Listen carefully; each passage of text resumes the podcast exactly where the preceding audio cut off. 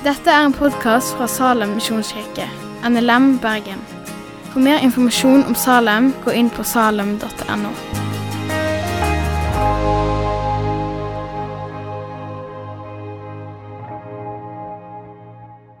God søndag, alle sammen. Jeg heter fortsatt Kristian, for de som kjenner meg. Og for dere som er på besøk, så heter jeg altså Kristian. Jeg eh, er pastor i Salem, her, er, altså her i Salem, ja, eh, og trives enormt godt med det.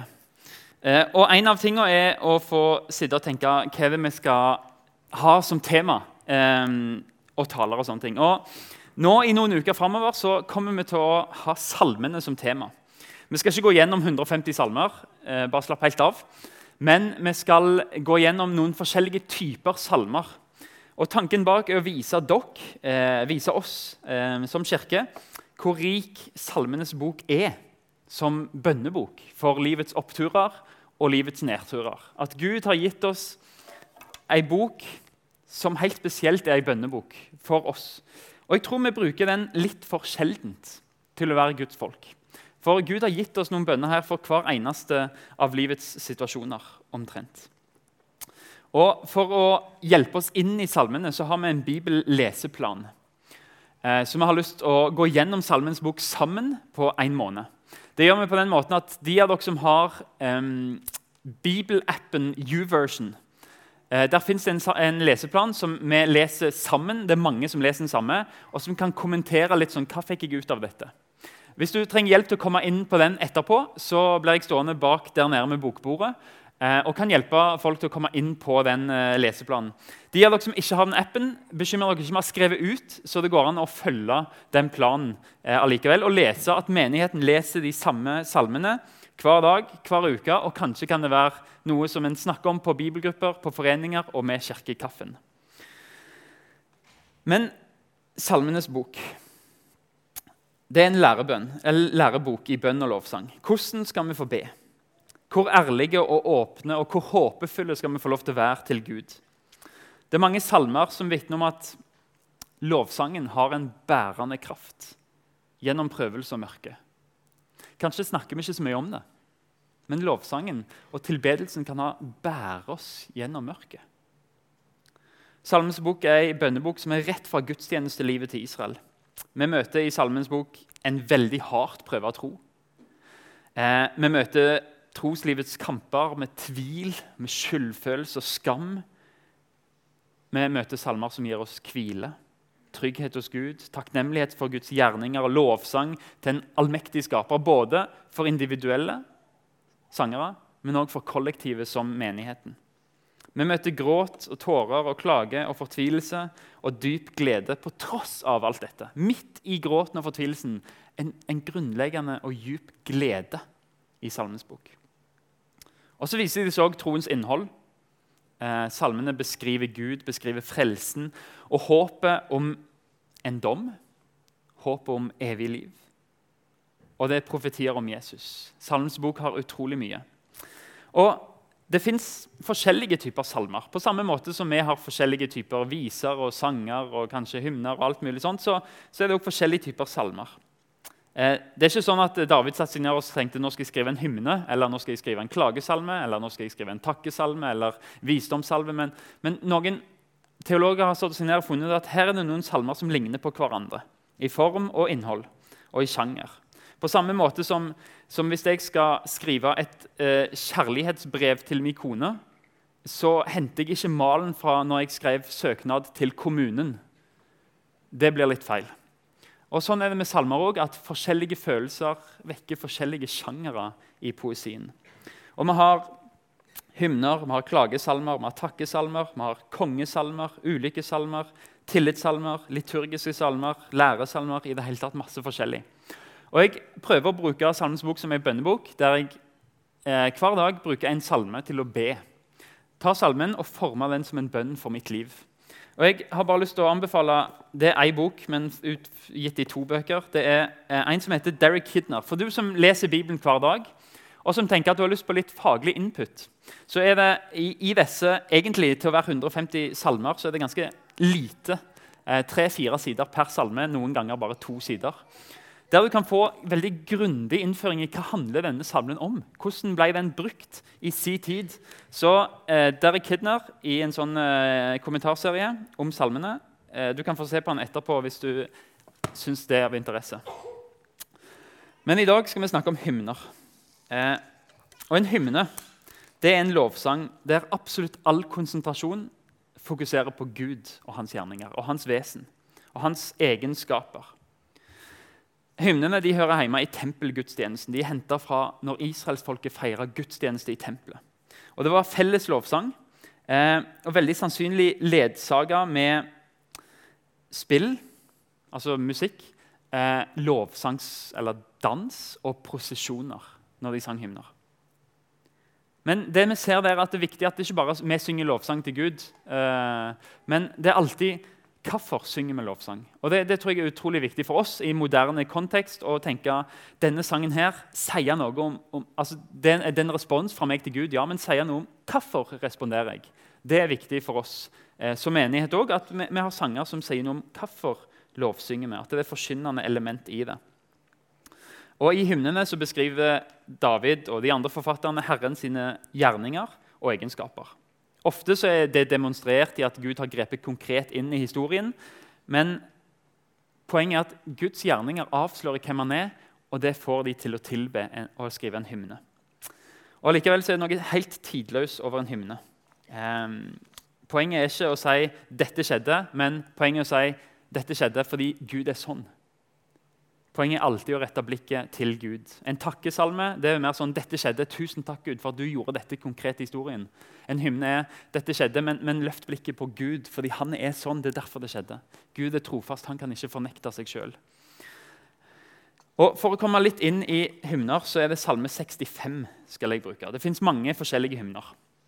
Men jeg tenkte å bruke en av de, eh, og så la den teksten få snakke til oss. For Vårt poeng er ikke å, å undervise om at det fins forskjellige salmetyper. og vær så god, eh, vi snakkes, Men, men å si hva sier denne teksten. Det er det viktigste vi gjør. Å legge ut en tekst, Guds ord, eh, hver gang vi forsyner. Eh, Salme 65 det er en, en, lovsang til Gud. Det er en beskrivelse av hvordan Gud handler med sitt folk i skaperverket og i, med jordens grøde. Kanskje en sang som ble sunget under løvhyttefesten eller, eh, eller, etter en spesiell sultperiode. Eh, det vet vi ikke helt, men i alle tilfeller så handler det om Gud som frelser, som skaper og som forsørger. Og, og det er nok til en rikholdig tilbedelse. Vi skal lese Salme 65, og vi kan godt reise oss som vi gjør når vi leser søndagens tekst. Vi leser i Jesu navn. Til korlederen, en salme av David, en sang. Lovsangen tilhører deg, Gud, på Sion. For deg skal løftene bli innfridd, du som hører bønner. Til deg kommer alle mennesker. Når vår skyld blir for sterk for oss, tilgir du våre lovbrudd. Salig er den som du velger ut og tar inn til deg, så han får bo i dine forgårder. Vi vil mette oss med det gode i ditt hus, med det hellige i ditt tempel. Med skremmende gjerninger svarer du oss i rettferdighet, Gud vår frelser. Alle jordens ender og det ytterste havet stoler på deg. Du reiste fjellene med din kraft. Du var kledd med velde. Du dempet det brusende havet, bølgebruser og larmen fra folkene. De som bor lengst borte, blir grepet av frykt ved dine tegn.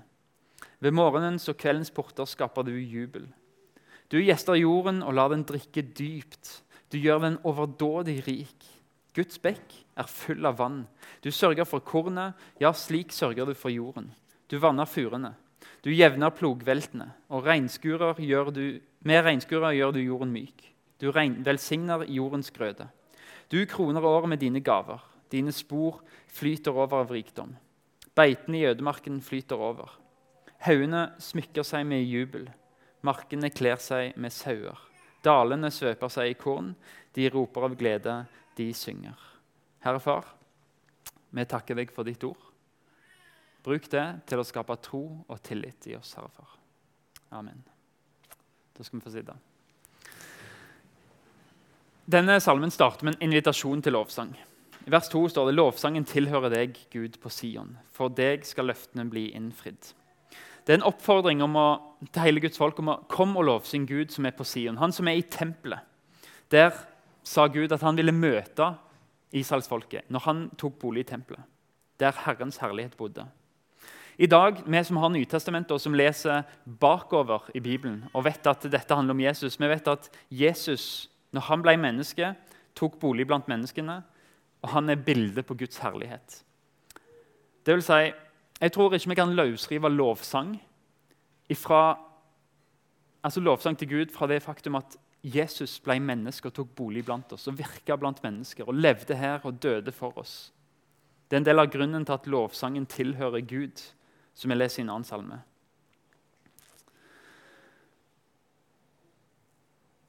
Og så skriver de Hvorfor skal vi lovsynge? Fordi eh, for deg skal løftene bli innfridd, du som hører bønner. Du som hører bønner. I Det gamle testamentet så leste vi om mennesker som ga løfter til Gud. Kanskje spesielt i møte med nød. Løfter om Gud, jeg skal ofre, jeg skal tilbe når du hjelper meg gjennom nøden. Og Kanskje kan det være en sang denne salmen som ble sunget når nettopp folk kom til tempelet for å gi det offeret. Gud har hjulpet meg, nå vil jeg ofre en duunge eller en sau. eller hva som helst. At det var en av sangene som ble brukt da. Men Sånne løfter var vanlige. Men for oss kan det virke som en handel med Gud. At Gud, hvis du gjør sånn, så skal jeg gjøre sånn. Og Kanskje har vi sjøl en gang bedt sånn, eh, spesielt kanskje i tenårene for min del. Gud, hvis du gjør dette, så skal jeg gi hele livet mitt til deg. Men det er ikke en handel. Det er snakk om de løftene. Det er en tillit til Gud. Gud, jeg skal gi deg det du fortjener, fordi jeg har tillit til at du vil hjelpe meg. Og til og med om jeg ikke ser det, så vil jeg gi det til deg, for jeg har lovt det. Jeg tror at du vil bære igjennom. Jeg tror et håp som bærer. For Gud er en som hører bønner. Han er ikke stum, han er ikke likegyldig. Han er en som hører bønner. De første versene er altså invitasjon til lovsang. Kom, bli med og syng for Herren. Og Så kommer resten av salmen. Hvorfor skal vi lovsynge? Hva er konseptet her? Hvorfor? Og Det er tre ting som jeg har lyst til å, å hente fram.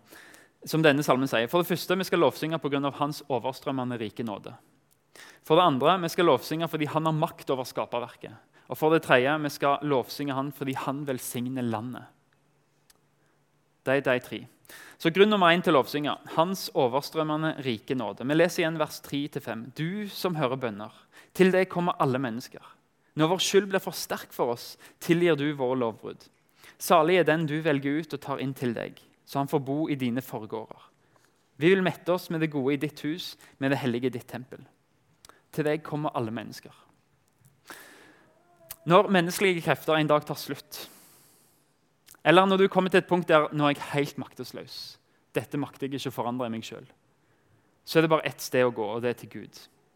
Den hjelpeløse og den svake har alltid en tilflukt, en festning hos Gud, til Han som hører bønner. Og så står det at alle mennesker kommer til Gud. og det er litt interessant Når vi ser intervjuer som ble gjort i forbindelse med hvor mange kristne har, med litt sånne ting, så er det ikke så mange som svarer på at de er kristne, men det er veldig mange som svarer på at de ber. Til Gud kommer alle mennesker. Selv om det ikke er kristne, så er det mange som ber. Er det kanskje noe som er lagt ned i oss fra skaperverket av? En lengsel. Når Gud blåste liv inn i menneskene, så blåste han med sin pust. Sjelen vår hører hjemme hos Gud. Kanskje er det en lengsel hjem når ting er vanskelig, at mennesker uten tro eller ikke vender seg til Gud og sier 'Vær meg nådig'. Vi vet hvor vi hører hjemme. Men hva er det som kan bli så tungt for menneskene? Det som fører oss inn i en blindvei der vi til slutt står helt fast. Han som skriver salmen, sier når vår skyld blir for sterk for oss. Erfaringen av å ikke være god nok, av å ikke strekke til. Alle misgjerningene, lovbrudd, opprør mot lovgiveren og de grensene som skaperen har satt. Og Det kan bli en så tung bør for mennesket å bære framfor Gud. Og Salme 38 det beskrives det nesten som en sykdom at hele meg forgikk pga. dette skyldfølelsen. For skyld preger mennesker. Og Det kan gi utslag i masse forskjellig. Både fysisk og psykisk.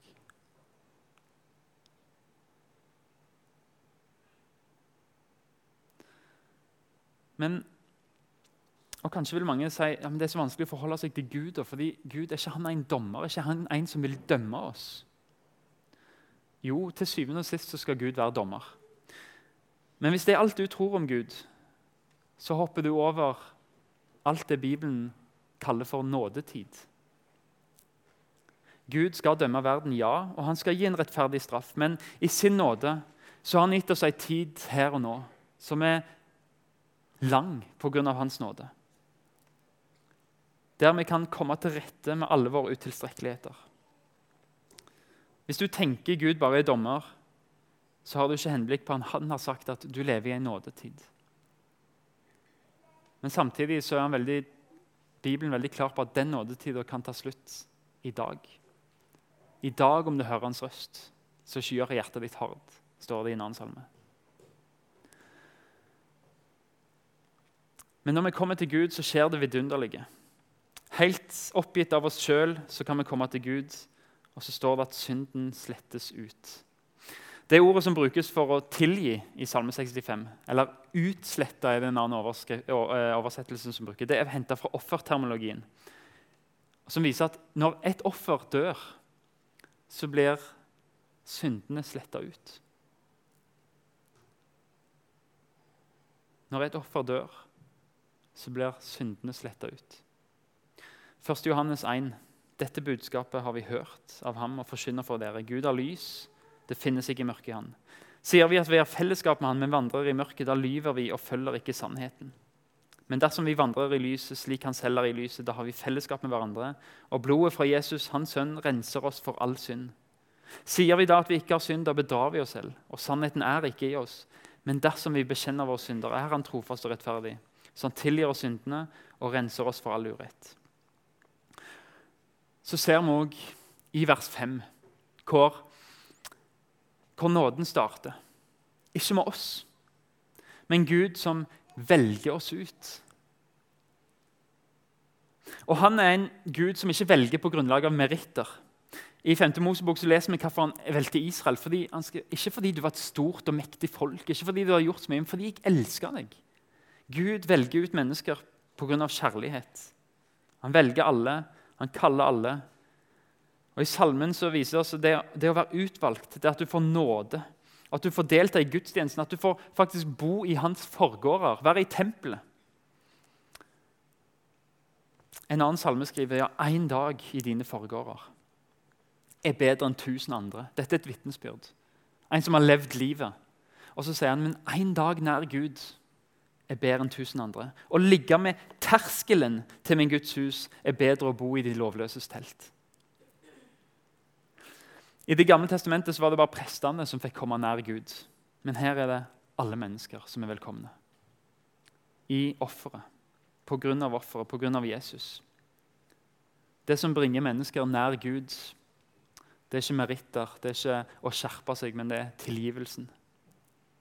Det bringer oss over terskelen og inn i Guds hus, og vi får være med Gud. Og Den som lever nær Gud, er salig, står det. Salig er den som du velger ut. Salig er et ord som brukes som den som Gud velsigner. Den som får del i hans goder. Det er lykke, ja, på en måte lykke, men, men den lykke som vi snakker om, det, den har et startpunkt pga. noe, og den vil ta slutt. Enten fordi vi mister det, eller fordi vi dør. Men salighet det har utgangspunkt i Gud. En glede som, som ikke stopper når vi dør. Salighet er lykke som varer inn i evigheten fordi vi har Gud. Vi mister han ikke, for Gud er evig. Gud er seierherre over døden. Salighet er en lykke som, eller en glede på tross av alt som skjer. Så skal vi få stole på at han bærer gjennom alt.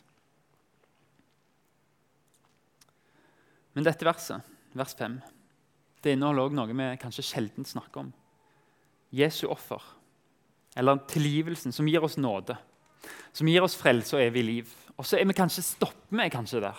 Ja, du kan få evig liv, men, men det gir så mye mer. Vi vil mette oss med det gode i ditt hus, med det hellige i ditt tempel. Guds nåde, evangeliet, det gir oss ikke bare eller bare, det gir oss ikke bare evig liv og frelse, men det gir oss noe her og nå. Det gir oss en overflod å leve på. Ta et offer i Det gamle testamentet. Hvis du kom et offer fram for en prest, så ga det soning for synder. Men det ga òg mat til presteskapet. De kunne leve på det. Og I flere tilfeller så kunne også den som ofra, sjøl få spise. Og da var det kjøtt. Det var et festmåltid som ikke ble brukt så ofte. Men tilgivelsen utløste dette. Og hvis du ga tiende i Bibelen, Noen av de tiendegavene som ble gitt, var øremerket for å stelle i stand en bankett for den som ga, men òg for de fattige naboene hans. Det er soning, ja, men det er overflod. Evangeliet er så mye mer enn tilgivelse. Det er en frihet til å gi videre det du har fått. Det er en frihet til å slippe prestasjonsjag fordi du er elska av Gud. Det er en glede til å forandre livet. En anerkjennelse til å senke skuldrene fra alt jag. Det gir oss evig liv, men det gir oss òg mye å leve på her og nå. Nåde forandrer livet. Det gir oss glede, fred, visshet og trygghet. Og Vi kan ta det med inn i situasjoner vi syns er vanskelig, og vite at evangeliet sier jeg er perfekt skapt. Jeg er ubetinget elska. Jeg er kalt av Gud hans barn, jeg er sendt med kraft. Jeg har overflod. Mitt beger renner over. Bare godhet og miskunn skal følge meg alle mine dager. Nåde for evigheten, ja, men òg så overstrømmende at himmelen drypper ned på deg nå, i form av at du kan vite at du er en himmelborger. Og så forandrer det oss til å leve som himmelborgere her på jord. Det var grunn én til å lovsynge, hans overveldende nåde. Grunn nummer to det er hans makt over skaperverket. Vi skal være veldig korte på det punktet. her. Vi leser 6-9. Med skremmende gjerninger svarer du oss i rettferdighet. Gud, vår frelser. Alle jordens ender og det ytterste havet stoler på deg. Noen lurer på hvorfor endene driver på å stole på han, men det er jordens ender. Du reiste fjellene med din kraft. Du var kledd med velde. Du dempet det brusende havet, bølgebruset og larmen fra folkene. De som bor lengst borte, blir grepet av frykt ved dine tegn. Ved morgens og kveldens porter skaper du jubel. Guds godhet og Guds makt er ikke begrensa til kirka, ikke til tempelet. Gud gjør under i skaperverket som er skremmende, står det her. Det er gjerninger som, som får oss til å se Guds storhet og får oss til å se jeg er liten, jeg er avmektig. Og så kan du stå, ja, men skremmende, Noen ganger står det 'fryktelige gjerninger' i noen oversettelser. Men er det skremmende at en har så mye makt? Ja, Hvis mennesker har mye makt, så kan det være litt skremmende. For mennesker forvalter ikke alltid makten på en god måte. Men ikke med en god Gud. Han bruker sin makt til godhet. I motsetning til, til, mennesker så bruker han alltid sin makt til godhet. Lidelse og maktmisbruk av mennesker er ikke det siste ordet. Fordi Jesus viser oss en Gud som skal dømme. Og han, Jesus kommer med makt uten aggresjon. Og han kommer med ære uten stolthet. For Jesus er fredsfyrsten. Han forvalter makten på en god måte. Men skaperverket og alt som skjer i skaperverket, er et stort vitnesbyrd om en allmektig Gud som vi skal få lovsynge. Og Vi skal låne ord fra en annen hymne i Salmenes bok, Salme 19. Himmelen kunngjør Guds ære. Altså himmelen kunngjør Guds ære. Hvelvingen forteller hva hans hender har gjort. Dagen lar sin tale strømme til dag. Natt gir kunnskap til natt. Det er ingen tale, ingen ord, stemmene kan ikke høres, men de når ut over hele jorden. Ordene når dit verden ender. I himmelen har han reist et telt for solen. Lik en brudgom går den ut av sitt kammer. Den gleder seg som en helt til å løpe sin bane. Den gjør sin rundgang fra himmelrand til himmelrand. Ingenting er skjult for solens glød. Takk for at du har hørt på podkasten fra Salem, Bergen. I Salem vil vi vinne, bevare, utruste og sende. Til Guds ære. Vi ønsker å se mennesker finne fellesskap, møte Jesus og bli disippelgjort her i Bergen og i resten av verden. Vil du vite mer om oss, gå inn på salem.no.